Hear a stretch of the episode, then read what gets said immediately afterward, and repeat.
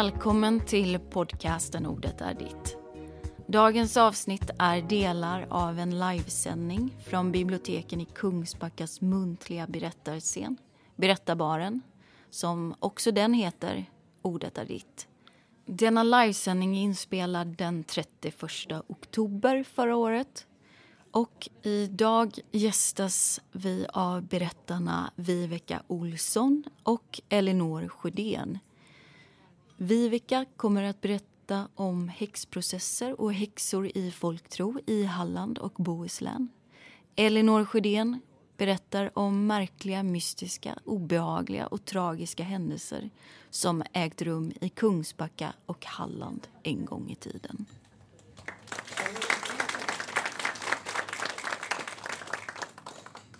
Nu ska Elinor berätta. Ja, välkomna som sagt till, eh, det blir den första berättaren, det är jag som är före detta tidigare tal, tidningsredaktör och inläsare av talböcker. Nu till berättandet. Mina barnbarn tycker att sagor och berättelser ska börja med det var en gång. Men jag tänker inte lyda dem. Jag börjar så här. Den 26 mars, nådens år 1824, föddes en flicka i Valby Fjärås som fick namnet Britta-Lena.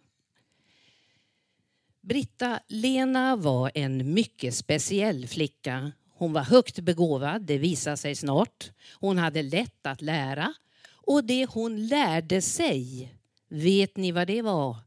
det var läkekonst. Hon hade en morbror i Frillesås som var mycket läkekunnig. Han blandade ihop örter och växter till olika dekokter som gjorde att folk blev av med sin halsbränna och sitt halsont och lite huvudvärk och till och med en och annan salva kunde han tillverka och smörja in eksem med. Det här tänkte Britta-Lena det ska jag utveckla. Och det tänkte hon tidigt. Redan som liten gumma, men hon kom att kallas Kungsbackagumman. Och hennes fullständiga namn det blev Britta-Lena Andersson när hon hade gift sig med Andreas Andersson och de bodde i Hambrö. Där utvecklade Britta-Lena sin konst till mästerskap.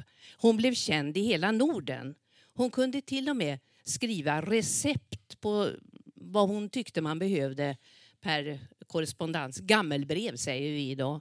Det fanns ju verkligen inga datorer då inte. Nu ska jag berätta lite grann om sägner och sånt som fanns kring denna Britta Lena. Hon eh, var, blev expert på hudåkommor, eksem henne kunde man ju ha kontaktat. Ja. Jo, ex, expert på eksem och eh, vissa benbesvär, benröta. Annars fanns en annan klok gumma i trakten som hette Maria Nilsson. Men hon var expert på invärtes åkommor och verksam inte i Halland utan i Småland och Skåne. Och hon blev inte alls lika berömd som Britta-Lena Andersson blev. En kvinna som är så här, jag säger faktiskt kvinna, det kunde väl ha varit en man också för all del, men jag tror nog att det redan då var lite svårt för en kvinna att bli så här extremt duktig och framgångsrik. Kring henne kom att berätta sägner, illvilligt förtal eh, och vidskepelse tyckte man det var ju det hon höll på med. Och i Dalsland, där kallades hon Kungsbacka käringa. Och dalslänningarna de visste då rakt att hon hade en svart bok. Och i den svarta boken där stod det med röd skrift och det var djävulen som hade givit henne råd. Hur nu djävulen kunde göra människor friska och fria från eksem, det kan man ju börja grubbla över. Och så hade hon en annan speciell egenskap också. Hon var klok och det sades att hon hade så snälla, goda ögon. Och människor som vad vi idag kallar med psykosomatiska besvär blev också botade många av dem i alla fall. Och naturligtvis fanns det stresssjukdomar på 1800-talet också. Det är inget nytt fenomen och inte att gå in i väggen heller. Och de fick hjälp av Britta-Lena också, många av dem. En kvinna som då, en människa säger vi nu då, som kan så mycket och är så duktig. Ja, det var det där med dalslänningar som föraktade henne och hade hon bara varit dalslänning så lovar jag att då hade det låtit annorlunda, säkert som amen i kyrkan. Det fanns en annan sägen också om henne, apropå klokheten. Jo, för att bli så här klok skulle man ta en vit orm och lägga den i en gryta med vatten och koka ormen, låta vattnet svalna och så dricka. Då blev man så här klok. Det, det trodde de, det hade hon gjort, för hon kan ju inte vara klok av sig själv. Det är det ingen som är, utan nej, nej, nej, nej, nej, nej. det var nog hokus pokus med det där, den saken är helt klar. Men hon kom att som sagt var bli framgångsrik. Och en gång, förstår ni, vet ni vad, så sjöngs det en visa om henne till hennes ära i Göteborg. En vacker visa om Kungsbackagumman. Och jag ska berätta mer om varför den kom till. Men jag ska faktiskt sjunga. Den här visan den såldes och sjöngs i Göteborg i början av 1900-talet. Författaren till visan är okänd, en signatur. Signaturen är någonting. Och en av de många verserna går ungefär så här. Och håll tummarna för att jag klarar det här nu. Den som tycker att det behövs, det gör det. Men stundom det hände att somliga karar som läst till sin kunskap till henne fick gå. Och utan examen och utan latinet en gång fick hon bota den främste ändå. Utan byxor på dessutom. Jo, den främste, det var kungen. Och kungen vid det här tillfället var unionskungen Karl XV, kung över både Sverige och Norge. Unionen upplöstes ett år efter Kungsbackagummans död, 1905. Han hade fått, nu är det någon som äter. Det blir så äckligt. Jo, kungen, Karl XV, han var, brydde sig inte om vidskepelse. Han, han var kulturintresserad och intresserad av allt och trodde på Kungsbackagumman. Han hade fått loppfeber. Konungens ädla kropp var full av bölder och i bölderna bodde det små kryp som kröp in och ut och skaffade sig nya boningar och nya bölder på kungens kropp. Och så fick han feber. Han skickade efter Kungsbackagumman som fick åka in landå med såna här sammetsdraperier och tofsar och grejer. Och vad hade hon för recept? Vad gjorde hon? Jo, så här var det. Man skulle ta huden av en nyslaktad oxe. Kungen skulle klä av sig naken och krypa in under huden. Och den huden hade man prickat in med hål, alltså perforerat den. Så, nu kröp kungen in. Ja då, låg han där. Och då hände det sig att de här små djuren kröp ut för de ville ut på oppansidan av den här oxhuden för där var det mycket luddigare och godare. Så de försvann från kungens kropp och Britta-Lena grejade de hopsäckade bölderna sen med sitt liniment och sina salvor som hon var väldigt bra på. Så kungen blev frisk. Men nämnde jag vidskepelse? Yes, det gjorde jag. Det fanns en präst, förstår ni här, som också hade fått loppfeber. De äckliga bölderna och de där djuren som kröp in och ut. Han ville inte gå till Britta-Lena. Det är rena vidskepelsen. Det är icke förenligt med Herrans bud, sa prästen. Prästfrun var utom sig. Vad bryr jag mig om Herrans bud? Han måste bli frisk, tyckte prästfrun. Så hon såg till på ett listigt sätt. Kvinnans list övergår mannens förstånd. Så prästen, han kom in under en oxhud som var prickad med hål och blev frisk. Men sen förstod han, det här var nog ändå Britta-Lena. Så han sporde frun. Ja, det, det var det ju. Det var det ju. Prästfrun var inte läkekunnig på det viset. Hon kunde kanske något annat istället. Då hände det sig, förstår ni, att i kyrkan välsignade prästen Britta-Lena Andersson och det, det var en upphöjelse som heter duga. Så gick det, nu vet jag inte om detta är sant eller osant, men det fanns en doktor Lind i Göteborg som hade blivit illa sjuk och han kunde inte, alltså mediciner doktor, han kunde inte bota sig själv. Så han gick inkognito, låtsas vara någon annan, så kom han till Kungsbacka gumman. Och sonen där doktor Lind, han har då inte kunnat bota mig. Nu ska vi se, sa Kungsbacka gumman och klämde på gubben här, på doktorn. Ja, den där Linden, sa hon, han har då ställt till det. Och hon botade doktor Lind. Detta stod att läsa i Göteborgs Handels och Sjöfartstidning. Artikeln hade man satt in bara för att det hade varit så mycket skitprat om Britta-Lena och, och vidskepelse och det här som jag nämnde med djävulens ord och det. De tyckte det behövdes en balans.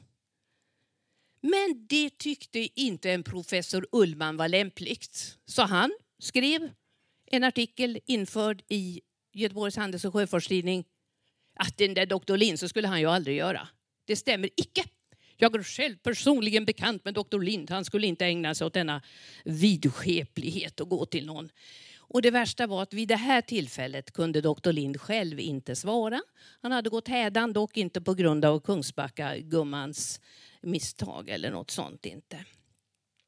När Kungsbacka gumman dog och det var den 23 oktober år 1904 vid gudstjänsttid, nota bene. Då blev det en fruktansvärt stark jordbävning i de här trakterna och en bra bit upp i landet. Så stark att det sägs att seismografen i Uppsala hoppade ur led. Ja, och då fick de vidskepliga vatten på sin kvarn. Ja, men det var ju hennes själ som for iväg. Det var de där onda eller krafterna, vad det nu var, som liksom brummade iväg och skakade om. Men de vidskepliga var förmodligen ändå ett fåtal. För vid begravningen den 28 oktober 1904 fylldes kyrkan av människor från alla håll som ville visa henne sin vördnad. Britta-Lena Andersson ligger begravd på Hanhals kyrkogård. Nästa berättelse Orkar ni med några till? Ja, då kommer det. Troll också, men innan dess. Från Hanhals tillbaka till år 1697 efter en berättelse av Andreas och Anna Karlsson som har skrivit mycket om 1600-talets Halland och har källor ur protokoll. Så det här har verkligen hänt faktiskt. I Hanhals fanns en Kerstin Jonsdotter gudfruktig, omtyckt, skötsam. Det fanns inte ett ont ord att säga om Kerstin eller hennes familj. Ändå kom hon att begå ett av de allra grövsta brott man kunde begå på den här tiden. Det började med att Kerstin betedde sig konstigt. Hon började kasta sig på golvet och skrek och sa konstiga ord. Maken blev ju naturligtvis väldigt oroad. Men det här återkom lite oftare och nådde sin kulmen vid midsommartid ungefär den 22 juni 1697. Då kommer en dräng hem med sin häst. Det är på kvällen. Han ska hem efter dagens jobb och tittar ut på en äng och ser en kvinna i bara särken med håret utsläppt. Och visa håret på den tiden, det skulle en kvinna helst inte göra och absolut inte i kyrkan. Det var väldigt förbjudet och det gällde också vissa huvudbonader till och med. Alltså, och visa håret och, och runt. Och... Drängen hade aldrig sett något liknande. Vem kunde det vara? Det var då ingen han kände igen. Det visade sig snart att det saknades en kvinna i huset ett av hemmen där. Och det var Kerstin Jonsdotter. Man började leta efter henne. Var fanns hon någonstans?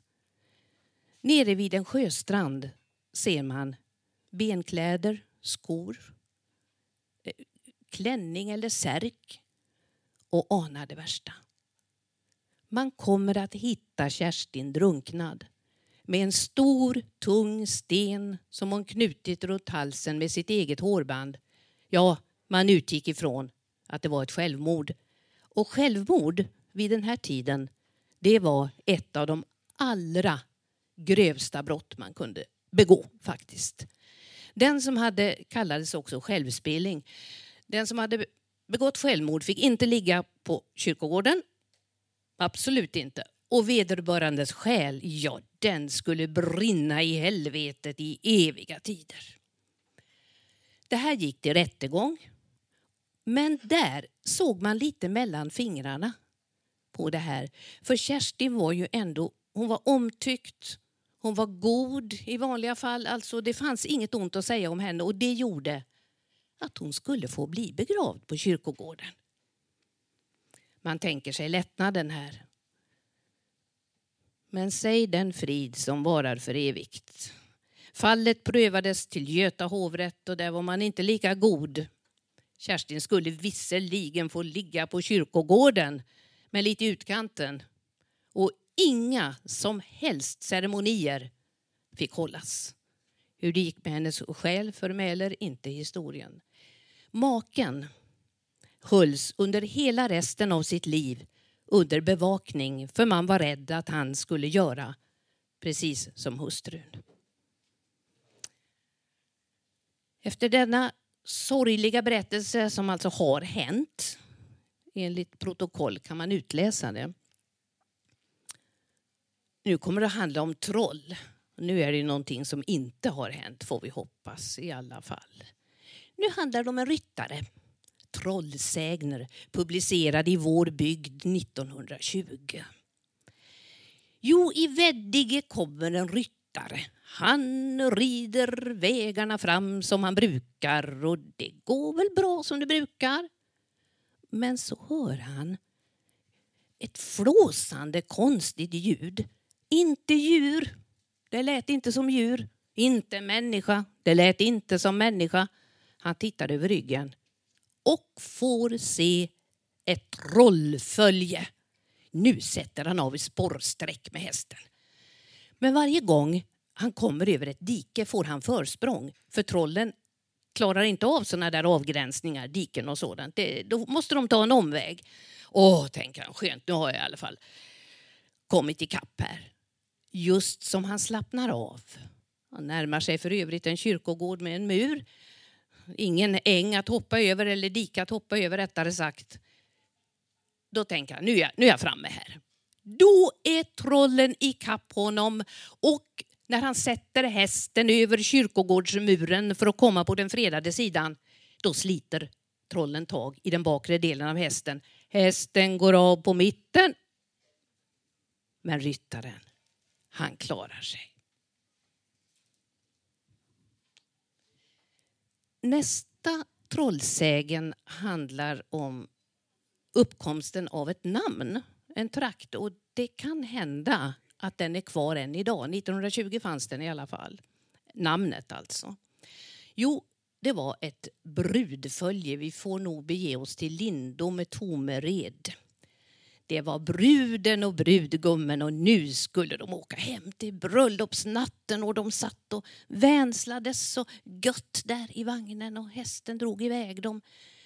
Mörkret faller. Det är en försommardag men mörkret faller fort. Och när de kommer till dalen vid Tomered, där är det nermörkt. Då försvinner bruden. Hon bara försvinner. Hon stod inte att finna, vare sig död eller levande. Man hittade henne aldrig. Men det fanns en förklaring. Det var trollen. De ville åt hennes fina glittrande guldkrona vad hon hade och, och kanske var hon väldigt vacker och ung själv. Och, ja, så var det. Hon var borta. Sen den gången kallas den här dalen vid Tomered för Bruaredalen eller Bruaredaln. I alla fall för ungefär 98 år sedan. Och slutligen knyter jag an säcken till Hambrö. Och då handlar det inte om Britta-Lena utan om trollmödrar egentligen. Jo, i Börsåsberget vid Hamburg där bodde trollen. De hade grävt sig ett underbart tjusigt ställe med guldpelare. Lite sånt där de hade plockat åt sig som glittrade, det gillar de. sig. Jo då. Men vad de inte tyckte om och vad de inte gillade det var ungarna som kom till världen. Trollmödrarna tyckte själva att de, nej, de var väl inte så snygga. De var ganska fula. Det vore mycket bättre att ha de små släta människobarnen med sina, eh, sin släta hy. Och, ja, så de såg till att byta ut trollbarnen mot människobarn. Trollbarnen kom då att kallas bortbytingar för övrigt. Och en trollmora. Hon hade fått ett trollbarn som hon inte tyckte dög riktigt utseendemässigt tydligen. Så hon skulle, hon skulle byta ut det mot ett människobarn som måste vara odöpt. Döpta människobarn gick inte att byta ut. Och det fanns ett i en vagga. Det skulle hon, dit skulle trollmoran sätta iväg med sin unge och det gjorde hon. Hon bytte ut Bytte bytt och kommer aldrig igen tänkte hon och la trollungen i vaggan och tog människobarnet som en trofé och så pilade hon iväg hem. När människomor kom till vaggan så tittade hon och lyfte på täcket. Va? Det är inte mitt barn. Det är inte mitt barn. Men hon förstod, det var ju naturligtvis en, en trollunge. Och vad mera, hon visste också hur man kunde försöka bli av med, med det här trollbarnet på ett, på ett hyfsat sätt. Man höll på att baka öppen eld på den tiden till faddergillet, alltså till dopet. Det här människobarnet var ju inte döpt. Då tog hon en ugnsgrissla, och det är ingen fågel, det är en sorts bakspade. Där la hon trollungen och så låtsades hon gå fram mot elden för att liksom eh, elda upp trollbarnet. Men se, det hann hon inte. För då kommer trollmor sättande som skjuten ur en kanon och tar tillbaka sitt barn. Visserligen tyckte hon ungen var ful, men bränna upp, nej det hade hon inte tänkt sig att det skulle bli på det viset inte. Nu gick människomamma med bävan till vaggan. Skulle det ha fungerat det här hon lyfte på täcket igen. Jajamän! Där låg hennes lilla rosiga spädbarn och sov så sött som om ingenting hade hänt. Det hade fungerat. Slutet gott. Allting gott. Tack för att ni har lyssnat och tack till Hembygdsmuseet för den information jag har fått. Tack.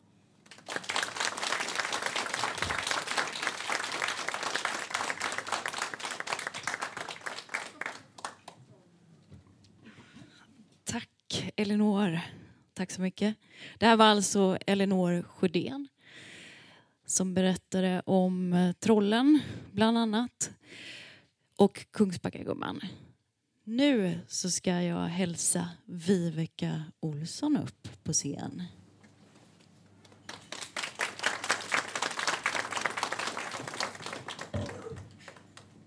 Jag tänkte faktiskt också börja så som Elinor började med Det var en gång. Det är ju så som berättelser om häxor brukar börja. Det var en gång för länge sedan i ett fjärran land.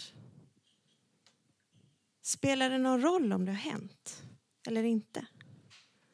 kan man ju fråga sig när det gäller sagor. Eller hur? Och det är ju det som är så speciellt med oss människor, att vi, vi lär oss ändå, fast vi inte har varit med om saker. Vi sätter oss och berättar för varandra. Och i och med att man gör det här så får man erfarenheter bara genom att lyssna på vad någon annan har varit med om. Och så här har vi ju hållit på i urminnes tider. Alltså, man har suttit kring lägerelden. Idag sitter man framför tvn och blir underhållen och förundrad och lär sig saker. När jag var liten så fanns inte häxor bara i sagorna utan de fanns även i skogen. Jag är uppvuxen i Dalarna och eh, min mormor och morfar de hade ett hus. Och bakom det här huset så fanns det ett berg. Det fanns det höga tallar. Och de här höga tallarna de reste sig som sky, mot skyn. Det var lite som pelare nästan kunde man säga, tänka sig i ett slott. Mellan de här höga tallarna så fanns det stenar. Och vi brukade tänka oss att det här var troll som hade förstenats av solens strålar. Ibland tyckte vi till och med att de rörde på sig. När jag stod där uppe på det här berget med min morfar och tittade ut över den här fantastiska utsikten så sa min morfar så här. Tänk att det här var det sista de såg. Vilka då, sa jag då. Ja, häxorna såklart, som min morfar. Och för mig så var ju inte det här så konstigt. Häxor och troll, det hör ju ihop, eller hur? Det... Men när jag blev äldre så började jag fundera, vad då fanns det häxor på riktigt? Och kunde de trolla? Och varför avrättade man dem? För att det här var ju en avrättningsplats för häxor, Gallberget. Idag så tänker jag inte prata så mycket om häxprocesserna i Dalarna utan snarare om häxprocesserna i Bohuslän.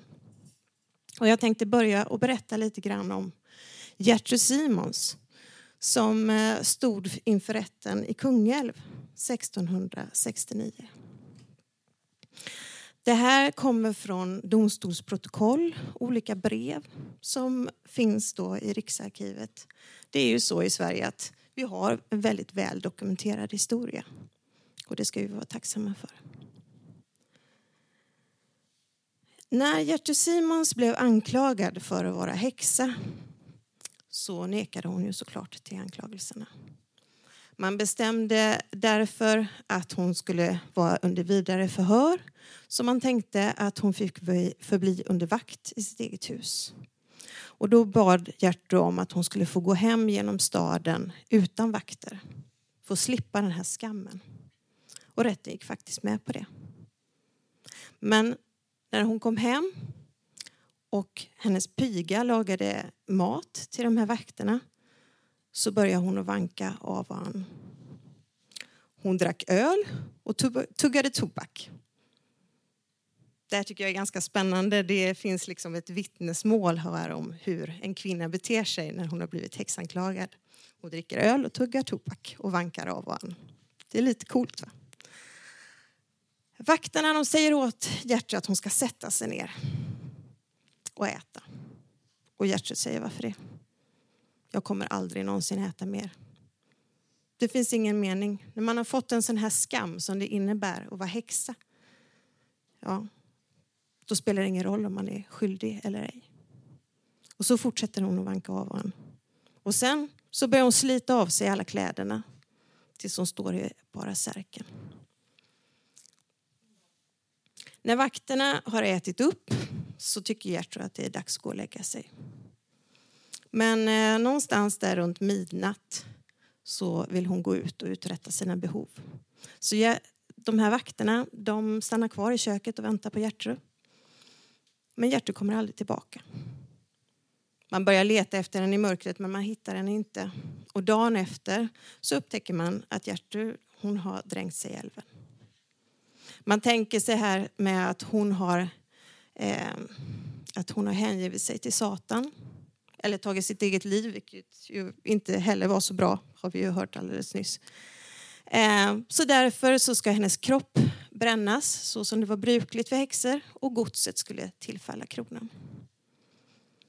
Och Gertrud var en av de hundra personer som anklagades för häxeri i, i de bohuslänska trolldomsrannsakningarna som var mellan 1669 till 1672. Man kan ju fråga sig varför hon reagerade på det här viset. Varför blev hon så desperat? Varför blev hon så skamsen? Och varför blev hon så självmordsbenägen?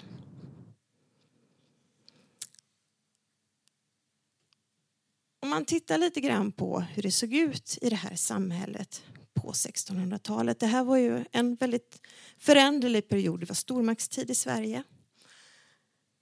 Och eh, ja, ända sedan Gustav Vasa egentligen så hade man ju börjat den här dokumentationen av människor. Man började att folkbokföra, man började med husförhör. Och man hade ett ganska bra underlag egentligen för eh, både soldater och skatteintäkter. Man använde ju bönderna till det här, både för att betala för kriget och som soldater. Och kriget motiverade ju även att man kunde höja skatterna. I Bohuslän så var det ju så att Bohuslän hade ju till, tidigare tillhört Danmark. Eh, men nu då på 1660-talet så hade det här blivit en svensk provins eh, och det var inte så populärt hos bohuslänningarna. Dels var det missväxt och det kunde ju inte svenskarna rå för direkt. Men eh, de kunde inte administrera sillfisket så som man skulle och det var en stor inkomstkälla. Man hade lite nya regler som gjorde att det blev besvärligare för bohuslänningarna. Bland annat höjde man skatterna såklart. Eh, och bönderna tyckte att det här var ganska jobbigt. Liksom. Så de började protestera. De ville inte jobba. De skrev klagoskrifter. Eh, och man fick faktiskt 1662 skicka en kommission dit och försöka reda ut vad det var som hände. De här bönderna lyckades få vissa personer avsatta. Bland annat borgmästaren då, Peter Dragman. Eh, och det som är intressant här det är ju att den här borgmästaren han dyker upp sen under häxprocesserna som nämndeman i Göta hovrätt. Och den personen som han bland annat är med och dömer det är frun till eh, den här människan som gav ett vittnesmål på sin dödsbädd som fick den här Peter att bli avsatt. Och det här är inte den enda jävsituationen som finns i det här materialet. Jag har hittat fyra sådana här. Det finns säkert fler fast vi kanske inte känner till dem. Och det här tycker jag är lite intressant för att det visar ju på något sätt att det kanske fanns andra bakgrunder som vi inte känner till kring de här häxprocesserna. Hur började då häxprocesserna? Ja, eh, det är inte så vanligt att häxprocesser handlar om penisstölder. Men just den här häxprocessen i Bohuslän, den börjar faktiskt så. Det är så att Anna i Holta, hon får ett besök efter midnatt. Det är ofta så de här historierna börjar. Eh, det är Sören Murmästare och hans fru som knackar på dörren. Eh, och eh, Sören säger att ja, Ehm, du får ta och fixa det här för att nu fungerar den ju inte. Och Anna fattar ingenting. Jo, men säger Sören, du var ju hemma hos mig förut och rörde vid den och eh, nu funkar den inte. Du har stulit min penis. Anna påstår att så här är inte alls fallet, men efter mycket tjat så går hon faktiskt med på att gå hem till Sören och röra vid den och nu funkar den. Det var ju jättebra, eller hur? Vi vet inte riktigt vad som hände efteråt hemma hos Sören. Eh, kanske det blev lite problem för att eh, en vecka senare så anklagas Anna för häxeri av Sören. Och det är alltså starten på häxprocesserna i Bohuslän. Det går så som det brukar göra med de här häxprocesserna att Anna hon tvingas ju ange andra personer som häxor och i och med det här så blir det ju ett större antal hela tiden. Anna hänger sig själv i fängelset men innan dess så har hon hunnit ange tre personer. Och efter en månad redan så har regeringen skickat dit en trolldomskommission som ska reda ut och eftersöka trollfolk i hela området, hela bohuslänska området. Hur gjorde man då för att få reda på om folk var häxor eller inte? Det låter ju lite svårt, eller? Ja, alltså 1600-talet är ju lite grann så här att man börjar att intressera sig för att man kan bevisa saker. Ni tänker i upplysningstiden och så. Va? Gravitation var också någonting som man tyckte var lite spännande. Newton är ju i och för sig lite senare, men i alla fall. Såna här som flyger, de måste ju åtminstone vara lite lättare, eller? I vissa länder så vägde man häxor. I andra länder så prövade man dem på vattnet. Man tänkte att om de var lite lättare och flög så, där, så kanske de kunde flyta. Bohuslän har ju det saltaste vattnet i Sverige. Tror ni att folk flöt här? när man prövar dem på vattnet? Ja, såklart. Varenda människa flöt som prövades på vattnet. Man testade lite olika sätt. Man var ju intresserad av att bevisa saker, eller hur? Det här var ju viktigt för kyrkan också. Kunde man bevisa att häxor fanns, då fanns ju djävulen. Fanns djävulen så fanns Gud. Det är jättebra det här. Så att man prövar att slänga i dem med bakbundna armar och ben. De flyter. Man prövar att ha dem fria. De flyter. De får hoppa i själva och de flyter. Och människorna de begär ju ofta det här själva för de tänker liksom att de kan bevisa här genom sin oskuld. Och efter det här provet så är det ju kört. Ett annat problem som uppstår det är ju att det är ju ofta ganska speciella regler som, som man har kring de här rättegångarna. Och bland annat så är det ju så att eh, ja, alltså Bohuslän hade varit med om en häxprocess tidigare så de visste, trodde de, hur det gick till här. Eh, man brände ju häxor levande och många av de här personerna de bad om att de skulle få bli benådade med svärdet som det hette. Och i och med detta då så, så erkände de och tog en, även andra personer då som de angav. Men det här var ju inte danskt område, det var svenskt område. Här brände vi inga levande, utan man halshögg dem först. Så vissa erkände ju kanske helt i onödan faktiskt, får man säga då. Men det var också så att det blev något slags juridiskt vakuum här, tror jag. För att ibland så pratar man om att man hänvisade till dansk lag och ibland så hänvisar man till svensk lag. Och ibland verkar man faktiskt ha gjort lite som man ville. Ehm, det är bara en handfull personer i övriga Sverige som prövas på vatten. Eh, tortyr är inte heller särskilt vanligt faktiskt i häxprocesser i Sverige. Men i Bohuslän så var det väldigt vanligt. Jag tror att det är kanske runt en 40 40 personer eller någonting sånt som blir torterade och väldigt länge, upprepade gånger. Man förhör dem samtidigt. Det är också så här att det finns ju vissa regler som omgärdar det här med tortyr. Man får inte förhöra folk samtidigt som man torterar. Man får inte upprepa tortyren. Eh, man får inte tortera gravida. Man får inte tortera gamla och sjuka människor. Allt det här gör man i Bohuslän.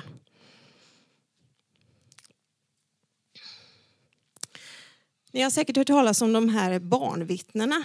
Det är ju ganska vanligt i svenska rättegångar. Det finns inga barn med här. Det är en kille som vittnar och han är 19 år och då tycker de att man kan ju inte lita riktigt på vad han säger när han är så ung. Va? Så det här är lite annat sätt att tänka på. Det är en annan kultur. Och det är lite jobbigt för de här stackars bohuslänningarna när de ska försöka att tala om vad det är som rätten vill att de ska säga. För de har inte koll på vad det är meningen att de ska säga när de blir torterade. De har inte svensk kultur. De pratar inte om, om Blåkulla till exempel. De kan, verkar kunna väldigt lite om Satan och när de blir tillfrågade om Satan så säger de att ah, det var en liten grå pojke, en sån här liten tomtenisse som knackade på häromdagen och gav mig mat. Det var inte det rätten ville höra, eller hur? Så då får man ju liksom bearbeta de här personerna tills de till slut då ger det här vittnesmålet om att ja, det var en mörk man som det var Satan och jag hade sex med honom. Men det är väldigt svårt att få de här människorna att säga det. Vilka var det då på den här tiden som kunde trolla? Vilka var det som höll på med magi? Tror ni? Är det så att man föds till att vara häxa? Nej, alltså på den här tiden då tänkte man sig att det var en smittosam kunskap. Det var livsfarligt för det var folk, trollkunniga folk överallt. Och det räckte med att man umgicks med någon som kunde trolla så kunde man ju lära sig att trolla själv. Det här var ju jättepraktiskt, eller? Låter ju väldigt bra. Problemet är ju bara att det är olagligt också. Så man fick ju verkligen passa sig för folk som höll på med magi. Och eftersom man var så otroligt rädd för magi så var man ju kanske tvungen att skydda sig på något sätt. Och hur skyddar du dig mot magi? Genom magi. När man tittar på det här materialet så kan man börja fundera på hur många av de här människorna som egentligen höll på med att trolla. Det var nog ganska många. Fast gränsen var som var kristendom och vad det var som var beräknades liksom som trolleri. Den var inte helt tydlig alltid. Till exempel så var det sex kvinnor som jag hittat i det här materialet som de signade kor. Välsignade kor alltså. Eh, och det gjorde de ju för att korna skulle mjölka bättre. Det fick man inte göra. Det är prästen som välsignade. Korstecken fick man inte heller göra. Det här är ju någonting som hör till katolicismen och vi var ju protestanter. Det var lite besvärligt att få de här människorna att tro på Gud på rätt sätt. Mm. Vad kan man säga mer om magi? Jo, eh, de här signerskorna, de var ju också sådana att de, eh, de kunde ju bota lite på andra sätt också. Man använde sig ofta av alkohol eh, för att dricka och för att kanske smörja in ryggen på någon så att de ska få lindrande, att det ska lindra på något sätt. De verkar inte så jättekunniga. Jag vet, det är en kvinna som heter Kari Joens. Hon ska hjälpa en ko som är sjuk. Så hon ger honom, eh, eller henne då, det är ju en ko. Eh, hon ger henne eh, ormbunkar. Hon verkar ta fel sort tyvärr för den här kon dör sen. Det finns ju giftiga ormbunkar också. Eh, och det här ser man ju då som ett exempel på skadlig magi som hon har utövat. Då. Men det som är lite spännande med Kari Joens då som torteras väldigt mycket vid flera tillfällen. Hon prövas på vattnet men hon erkänner aldrig till Satans pakter, Hon erkänner aldrig att hon har varit med på sådana här satansmöten och därför så piskas hon bara. Hon blir alltså aldrig avrättad. Men det är bara hon som orkar med det här. De andra erkänner förr eller senare kan man ju säga. Det som man kan se på i de här eh, vittnesmålen och de här protokollen som verkar framkomma det är att det verkar vara en väldigt speciell typ av människor som blir anklagade. Det är inte bara kvinnor, faktiskt. Och det är ingen som tycker att det är konstigt att det är någon man här och där som blir anklagad. Det är sex stycken i materialet. Um, för det finns egentligen inget specifikt med det här trolleri faktiskt. Men det är att de är ganska uppkäftiga. De är ganska bråkiga egentligen mot rätten och säger ifrån och ifrågasätter och har sig. Och det är klart att de kämpar för sina liv, men de verkar rätt klipska också. Och den här Kari Joen som jag berättade om, hon hade ju varit i slagsmål flera gånger så hon var ju känd av rätten. En gammal tant som har varit i slagsmål. Det är spännande.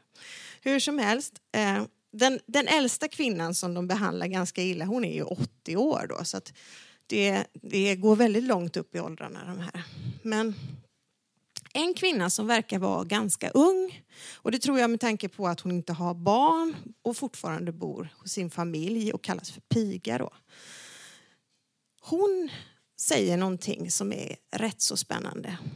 Hon är ganska förbannad på en av de här nämndemännen. För det är nämligen han som har anklagat henne för att vara häxa. Så när han frågar, hon satt bredvid på satansmötet, för det brukar man ju alltid fråga då. Eh, då så säger hon, din fru. Din fru Margareta satt bredvid mig på satansmötet. Nej, men alltså Kerstin, vi förstår ju att du är rädd för att dö, men är det verkligen värt liksom, att ljuga livet ur någon? Nej, men jag är inte rädd för att dö. Jag är rädd för tortyr. Då kan man ju säga vad som helst, säger hon. Ja, men nu ska du inte ljuga. Vi frågar igen. Vem var det som satt bredvid dig på satansmötet? Ja, det var ju din fru och så har vi borgmästaränkan också. Hon satt ju precis bredvid Satan. Nu börjar det bli lite jobbigt för nämndemännen. Särskilt eftersom det är andra anklagade som hör detta. Och vad tror ni de säger när de blir tillfrågade vem som satt bredvid dem på satansmötet? Ja, det var ju Margareta som satt där. Vad som händer nu det är att nämndemännen de får ju skriva brev in till rätten och förklara att det här är hedersamma kvinnor som man har ljugit om eh, och så vidare. Och till och med en präst då som skriver in också. Och han säger ju det då att ja, det är ju så här att hon hade ju sagt det här under hot om tortyr. Ja, så det kan man ju inte lita på vad hon säger. Det här är ju jätteintressant att det kommer på pränt tycker jag för att allt som sägs i de här rättegångarna är ju under hot om tortyr eller under tortyr. Så det var ganska smart av den här tjejen att lyckas få dem att faktiskt skriva ner det här. Men det här visar ju också på något sätt tycker jag. Alltså det är ju många forskare som menar att nej men de visste inte vad de höll på med. De trodde verkligen på det här och det är klart att de tror på magi, det, det säger jag inte. Men det här visar också en ganska... Det var ju inte de här anklagade människorna som var de onda i det här. Det här påminner väldigt mycket om förföljelser eller mobbing eller diskriminering. Det här visar ju människans värsta sida egentligen. Avslutningsvis så kan man ju fråga sig varför. Varför händer de här häxprocesserna? Det har man ju tittat på på massa olika ställen för det här är ju någonting som finns. Det finns ju överallt i världen. Det finns häxprocesser än idag faktiskt. Med penisstölder också. Eh, och man har kommit med lite olika förklaringar. Vad jag har kommit fram till när jag tittat på det här bohuslänska materialet det är egentligen tre saker. Dels att det handlar om besvärliga människor som man vill göra sig av med. De är bråkiga helt enkelt. Och man har någonting emot dem på olika sätt. Det handlar dels om att man vill korrigera människornas föreställningsvärldar. Att de tror på fel sätt. Och det handlar dels om att man vill att de ska engagera sig i något annat än vad myndigheterna håller på med.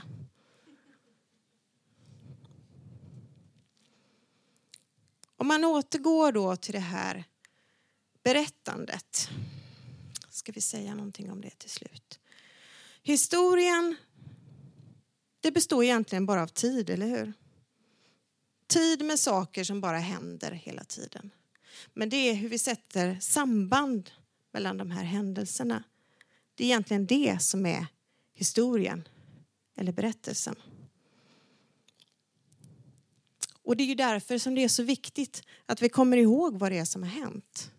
För det är ju det som är dubbelheten, både i berättelser och i historia.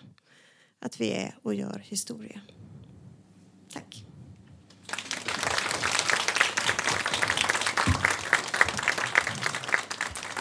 Tack för att du har lyssnat på dagens avsnitt. Det här var Berättarbaren, Ordet är ditt från biblioteken i Kungsbacka som bestod av delar från en livesändning